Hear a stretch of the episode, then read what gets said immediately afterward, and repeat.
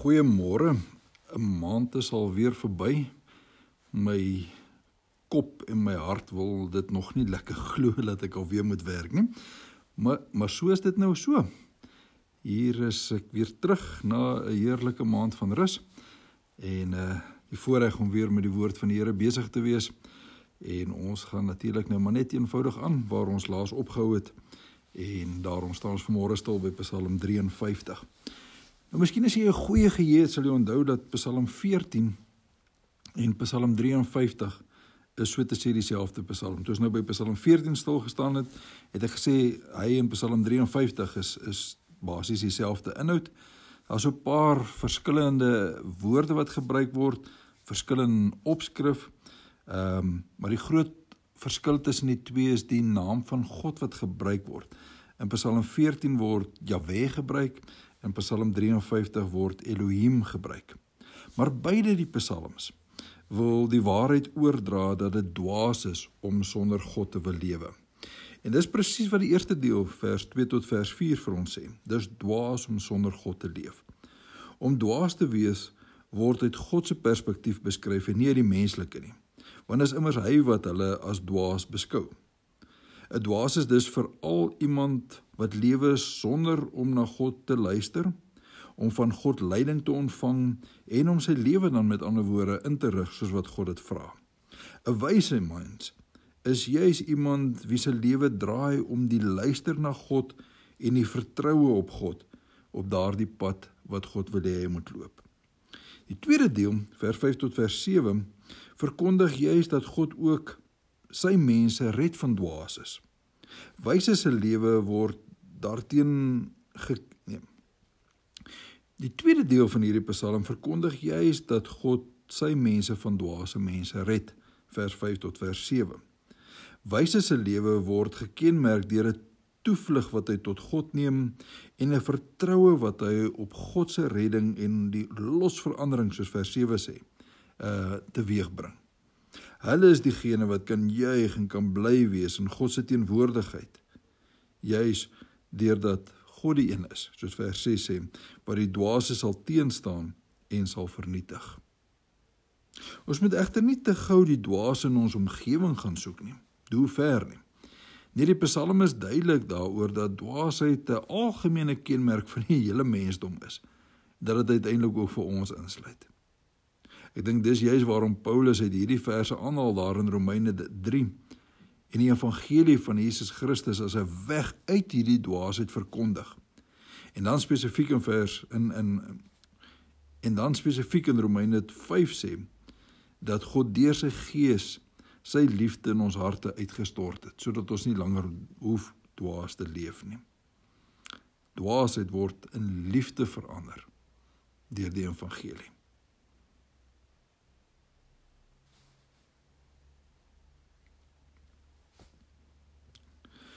Ons moet egter nie te gou die dwaases net daar in die omgewing hier buite gaan soek nie. Nee, die Psalm Ons moet egter nie die dwaases net daar in die buite Ons moet egter nie die dwaases net deur ver buite ons wêreld gaan soek nie. Nee, die Psalm is duidelik daaroor dat dwaasheid eintlik 'n algemene kenmerk van die mensdom is wat ook vir my en vir jou insluit. Ek dink dis die rede waarom Paulus uit hierdie verse aanhaal daar in Romeine 3 en dat hy sê die evangelie van Christus is juis 'n weg uit hierdie dwaasheid na die lig toe. En dan verkondig hy in Romeine 5 deur te sê dat dat God juis deur sy gees sy liefde in ons ingestort het om ons dwaasheid in liefde te verander. Dwaasheid en wysheid het met ander woorde niks te doen met intellek nie. Dit gaan oor IQ en hoe hoog of hoe laag my IQ is nie. Dit het alles te doen met hoe naby of hoe ver ek van God leef. Kom ons wees juis daarom dan wyse mense deur ons harte naby God se woord te hou sodat ons duidelik kan hoor hoe hy wil hê ons moet leef. En as ons dit dan so doen, dan is ons waarlik wys. Kom ek en jy doen so. Ons is gehoorsaam aan die woord van die Here en ons is daarom wyse mense. Seën vir jou vir hierdie dag en vir hierdie week wat voorlê. Totsiens.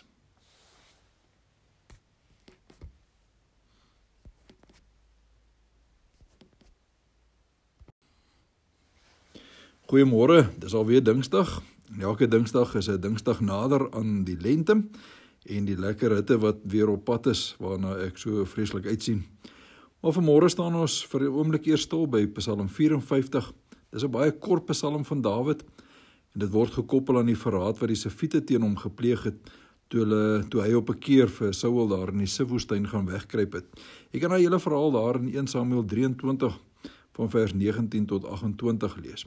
Nou ons weet natuurlik dat die Sefiete se verraad teen hom nie suksesvol was nie, want toe Saul en sy manskap hom gaan soek het, het Dawid na 'n kliprand in die gebied daar in die Maonwoestyn gevlug en daar het Saul toe nou die spoor verloor. Trouwens Saul het vir Dawid hier aan die een kant van die berg gesoek terwyl Dawid en sy manne net aan die ander kant van die berg gekruip het, weggekruip het. En voordat Saul egter verder kon soek, het daar 'n boodskapper aangekom wat Saul teruggeroep het om 'n Filistynse aanval in Israel te gaan afweer. En daardie kliprandjie het in die volksmond die naam skeidingsrand gekry. En as jy nou 1 Samuel 23 vers 15 lees, dan sien jy daar's ook 'n baie interessante woordspel tussen daardie teks en Psalm 54 vers 5. Want in 1 Samuel 23 staan daar Dawid het bemerk dat Saul uittrek om sy liggaam ag sy lewe te soek. Ekskuus, kom ek sê dit net weer. Dawid het bemerk dat Saul uittrek om sy lewe eh, te soek. En dan in Psalm 54 vers 5 hoor ons geweldenaars soek my lewe. En hierdie twee verse dien dan uiteindelik uh nee. Daar's ook 'n interessant Daar's ook 'n interessante woordspel tussen 1 Samuel 23 vers 15 waar ons lees Dawid het bemerk dat Saul uittrek om sy lewe te soek en Psalm 54 vers 5 wat sê geweldenaar soek my lewe.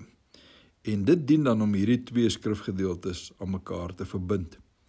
Nou die Psalm is na 'n kort en leidende skets van twee verse, 'n roerende klaaglied wat in twee dele verdeel is en wat afsluit uiteindelik in vers 9 om oor die reddende uitkoms van die Here te praat. Hoor my gebed en red my van my vyande. Sou ons vers 3 tot vers 5 die opskrif kon gee. Hier word die algemene naam van God, naamlik Elohim, 3 keer gebruik. Uh en Dawid maak staat in hierdie eerste gedeelte op God se regverdigheid om aan hom reg te laat geskied. En hy herinner God ook aan die feit dat die geweldenaars en die vyande van hom nie rekening hou met God nie. Dan die tweede gedeelte in vers 6 tot vers 8 sou ons kon sê vra Dawid vernietig hulle sodat ek u goedheid kan loof.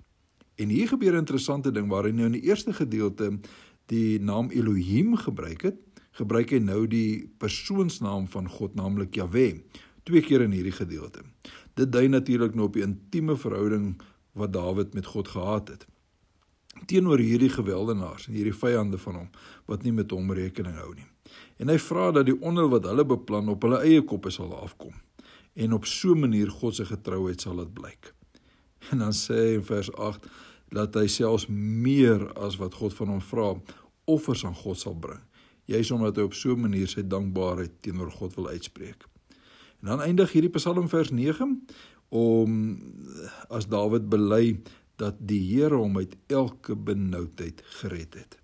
Nou hierdie ervaring van Dawid inspireer natuurlik vir my en vir jou vandag nog om God te vertrou vir elke benoudheid waarin ons verkeer. Waar sy naam in 'n situasie van benoudheid en onheil aangeroep word, laat God sy teenwoordigheid ken. Nou natuurlik het ons hierdie versekering ook 'n paar psalms terug in Psalm 50 vers 15 gehoor. Daar staan dit duidelik: Roep my aan in die dag van benoudheid en ek sal jou uithelp en jy sal my eer. Dis my wens dat jy in elke elke benoudheid waarin jy jouself bevind, net die naam van die Here sal aanroep. Hoor hierdie wonderlike woorde weer van vers 15 van Psalm 50. Roep my aan in die dag van benoudheid en ek sal jou uithelp.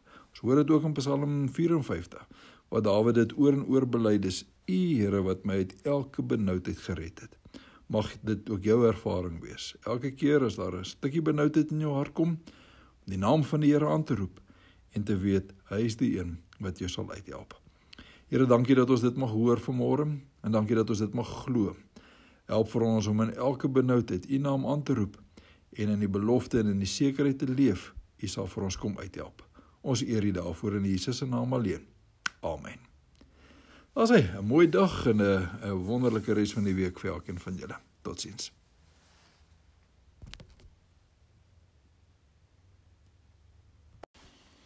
Goeiemôre op hierdie Dinsdagoggend, so net na 'n lekker lang naweek.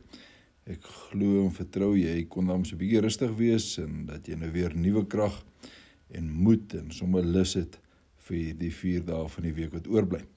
Ons reis voort deur ons psalms. Vanmôre staan ons by Psalm 55 stil. Hierdie psalm word geskryf teen die agtergrond van die verraad van 'n vriend. En hierdie vriend was waarskynlik Dawid se adviseur met die naam Agitofel. En hy het in die stryd wat Dawid met Absalom gehad het, teen hom gedraai, teen Dawid gedraai. Jy kan daarvan in 2 Samuel 15 lees. Maar die Here het egter Agitofel Agitofel se raad verydel waarna hy homself van ophang het in sy tuisdorp Gilo. En uh, dis eintlik 'n storie met 'n tragiese einde, maar wat ook 'n baie positiewe uitkoms vir Dawid met sy uiteindelike oorwinning oor Absalom gehad het. Nou as jy hierdie Psalm deurlees tot by die 24ste vers, dan kan jy hom op verskillende maniere indeel. Maar uh, een wat dalk maklik volg is as jy gaan kyk hoe selfgesprek en gebed mekaar afwissel. En in die eerste verse daarvan vers 2 tot 6 sien ons iets van smeking. Dawid bid tot God dat hy sal luister na hom en dat hy hom sal antwoord. Dawid is eerlik teenoor die Here oor die dreigemente van sy vyande en die druk van slegte mense wat en wat dit aan hom doen. Hulle onregverdigheid is bedoel om hom af te breek. Veral omdat hy natuurlik self streef na die handhawing van die reg. En kyk bietjie as jy na daai verse kyk hoe sy hele liggaam reageer op sy gevoel van verontregting. Sy hart krimp in een doodsangs oorval hom, vrees en skrik oorweldig hom en sy hele liggaam bewe. Dis die beskrywing wat hy gee. Dan in die volgende verse sien ons weer iets van 'n versigtiging. Dawid sou so graag hierdie storm waarin hy verkeer wou ontwyk, sien ons in vers 7 tot 9. Dis uh, baie keer mos maar die ervaring wat ons ook het, die bekende veg of vlug reaksie. Dawid wil op enige manier hierdie situasie net ontwyk. Hy wil wegvlieg soos 'n duif in die woestyn gaan bly. Alles net om weg te kom van die situasie wat soos 'n onstuimige wind, soos 'n storm in in in en vir hom voel vers 10 tot vers 12 kan ons noem 'n intersessie, 'n intree. Dawid bid hier dat God self sy vyande uitmekaar sal dryf weens die onreg en die onheil wat hulle pleeg. Hy bid dat die kommunikasie tussen hulle vertroebel sal word, dat hulle mekaar nie sal verstaan nie, amper iets van die ehm um, Babel verwarring en dat wanorde hom sal wreek op hulle planne. En dan vers 13 tot 15 is eintlik so al verstom. Hy reflekteer hier oor die feit dat die verraad wat hy beleef nie uh dat dit nie is. Ja, kom ons sien. Dawid reflekteer hier oor die feit dat die verraad nie van 'n vriend van hom nee man. Dan in die volgende verse vers 13 tot 15 staan Dawid as ware verstom. Want hy reflekteer in hierdie vers oor die feit dat hy hierdie verraad nie van 'n vriend van hom verwag het nie. Uh kyk bietjie in hierdie paar verse hoe hoe die vriend se verraad geteken word. Iets wat die geestelike verbintenis met mekaar verbreek het. Hy sê byvoorbeeld as dit nog my vyand was wat my smaad aangedoen het, sou ek dit kon verdra. As dit 'n teenstander was wat my wou verneder, sou ek hom kom probeer vermy. Maar nou is dit jy, 'n man soos ek, my maat en goeie vriend. Ons was so na aan mekaar verbonde opgewonde het ons saam na die huis van God gegaan. Dit moet hom die seerste seer wees as jou beste vriend jou so in die rug steek nie waar nie. Die volgende verse is 'n is 'n gebed van vertroue. Want hier verlaat Dawid hom geheel en al op God. Dat God hom sal hoor en dat God hom sal red vers 16 tot vers 20. En hoe Dawid in hierdie gebed van hom ehm um, En en en kyk bietjie hoe Dawid se gebed in karakter verander en dat sy klag nou al hoe meer gebaseer word op vertroue dat God inderdaad die een is wat in sy situasie kan optree en wat hom sal red. Dan is daar 'n veragting. Dawid keer terug na hierdie intense gevoel van verraad want sy vriend het sy vyand geword in vers 21 en 22. Die verbond tussen hulle is verbreek Hy sê my vyand het skaars 'n ooreenkoms gesluit of hy verbreek sy beloftes van trou. Sy tong is gladder as botter, maar daar is oorlog in sy hart. Sy woorde is so streelend soos olie, maar hulle is swaarde wat reg is om te steek. Weer is daai slegte ervaring van as jou vriend jou in die rug steek. En dan die voorlaaste vers is 'n stukkie getuienis wat hy almal aanraai om na hom te luister en hulle sorges aan die Here oor te laat, want hy sal sorg. En hy sal die regverdige nie in die steek laat nie. En dan eindig hy in vers 24 as ware met die gebed om te sê op u vertrou ek. Hy is daarvan oortuig dat God die mense sal straf wat sy vyande geword het, maar dat hy vir Dawid en sy vertroue sal bevestig. Ons het dit al almal seker iewers in die lewe ervaar hoe 'n vriend 'n vyand word. Hoe 'n vriend jou in die rug steek. Hoe hy jou verraai. En alhoewel Dawid hier 'n uh, slegte Miskien moet ek en jy hierdie gebed weer lees van Dawid om te hoor dat Dawid uiteindelik dit maar aan die hand van die Here oorgee. Ehm um, dat hy sê ek laat my sorges in u hande oor sodat u vir my kan sorg en sodat u kan red. En dat hy nie selfvergelding soek nie, dat hy nie self ehm um, die oordeel wil uitspreek nie, maar dit dat hy dit vir die Here los. Ek en jy moet dit maar dalk ook net weer 'n keer hoor. Aan almal wat aan jou iets verkeerd gedoen het, verkeerd teenoor jou opgetree het, jou seer gemaak het. Gee dit vir die Here. En gee vir hom die geleentheid en die voorreg om ook dit so te hanteer soos hy dit in sy grootheid uh, sal sal doen. En kom jy tot rus by die Here omdat jy jou sorges in sy hand gelos het. Waarskynlik was ek en jy ook al in so 'n situasie waar 'n vriend jou verraai het. 'n Vriend jou in die rug gesteek het. Miskien sou hierdie Psalm graag wou saam gebid het en die en die jy die slegte goede wat Dawid hier bid en en en sê dalk ook wou sê. Maar as jy dieper kyk en verder kyk in hierdie Psalm dan sien jy tog dat Dawid maar na die Here toe gaan. En dat hy hierdie seer van hom vir die Here gee. En dat hy met die belydenis eindig dat uh, die Here vir hom sal sorg. Dat hy sy vertroue in die Here stel. Dat hy sy sorges oorlaat aan die Here. Miskien is dit die beste wat ek en jy ook maar in situasies soos hierdie kan doen dat ons maar net na die Here toe gaan en en in ons seer voor hom gaan neersit. As vriende ons verraai. En weet hy sal ook vir jou sorg. Jy kan jou sorges ook by hom laat. Mag jy dit so doen en mag die Here vir jou in hierdie opsig baie genadig wees. 'n Mooi dag en 'n mooi week vir jou. Totsiens.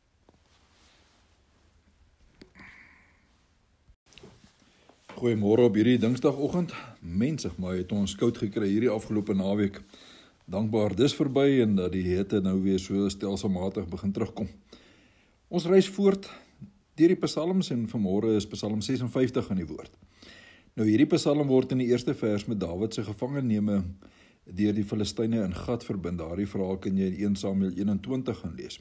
Nou koning Akus van Gat se amptenare het Dawid na hom toe gebring en omdat daar met soveel lof van sy dapperheid in in die oorlog gesing is in Israel, wou Akus hom uit die saak graag ontmoet. Maar Dawid was egter baie bang en het hom voor die Filistyne wansinnig gehou en uh, om wansinnig gedra terwyl hy daar by hulle was. Hy, hy was eintlik maar soos 'n mal mens. Hy het teen die deure van die poort gekrap en dan sy spoeg het in sy baard afgeloop lees ons daar in 1 Samuel 21.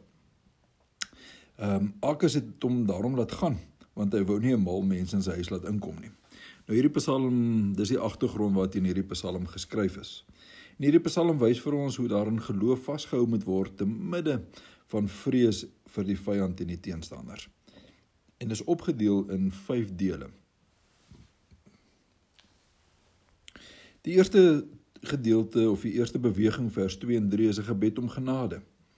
Die mense wat hom jaag en vervolg kan hom so maklik van God self vervreem of hom laat twyfel in God se nabyheid en sorg.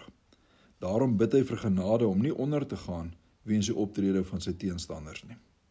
Die tweede beweging vers 4 en vers 5 is 'n gebed van vertroue. Wanneer alles egter te veel vir hom word en vrees hom oorval, dan neem hy sy toevlug tot sy enigste ware uitkoms, naamlik sy vertroue op God. Dis die woord van God wat hom gerus maak en wat hom laat besef dat blote mense nie regtig iets aan hom kan doen nie. Die derde beweging vers 6 tot 8 is 'n gebed om uitkoms. Vanuit sy vertroue in God vra hy dat God dan ook sal optree en hulle beskuldigings en hulle bose planne sal vnyk. Vers 9 tot vers 12 is die vierde beweging wat weer 'n gebed van vertroue is en hier herhaal Dawid weer sy vertroue in God. Waarskynlik veroorsaak deur een deur een of ander nee, waarskynlik veroorsaak deur Die vierde beweging is vers 9 tot 12 wat weer 'n gebed van vertroue is. Dawid herhaal weer sy vertroue in God, waarskynlik veroorsaak deur een of ander teken of woord, want hy sê dit weet ek, God is aan my kant. En dit teken vir ons ook 'n kant van God wat regtig tot die mense hart spreek, want hy sê ook U het op my trane gelet. In U boek staan hulle opgeteken. Wat 'n diep gerusstelling as 'n mens wydverspreide aanvegtinge uh, moet verduur. En dan die laaste twee verse vers 13 en 14 sluit die ge, uh, gebed af of sluit die Psalm af en dis 'n gebed van toewyding waarin Dawid hom in hierdie beweging verbind om sy geloftes en sy dankoffers te betaal en dankie die Here dat die hom end uit sal beskerm en sal bewaar. Nou as jy so 'n bietjie weer na hierdie Psalm gaan kyk, en jy sien hierdie verskillende bewegings wat uh, gebede is, 'n gebed om genade, 'n vertroue en uitkoms en weer eens vertroue en toewyding, dan is dit 'n uitstekende raamwerk vir 'n mens se eie gebed. Die gebed om genade is gebaseer op vertroue, net soos wat die gebed op uh, uitkoms ook gebaseer is op vertroue. En hierdie bewussyn van God se deernis met ons trane is so inspirerend in hierdie Psalm. En so gebed So wat Dawid hier bid, moet uiteindelik altyd uitmond 'n nuwe toewyding, soos wat hy in vers 13 en 14 doen. Ja, ons almal het al iewers hierdie verskillende tipe van aanvegtinge beleef. Uh het sy dit 'n fisiese vyand is en of dit 'n geestelike saak is waarmee jy worstel. Maar die wonderlike versekering dat God let op ons trane.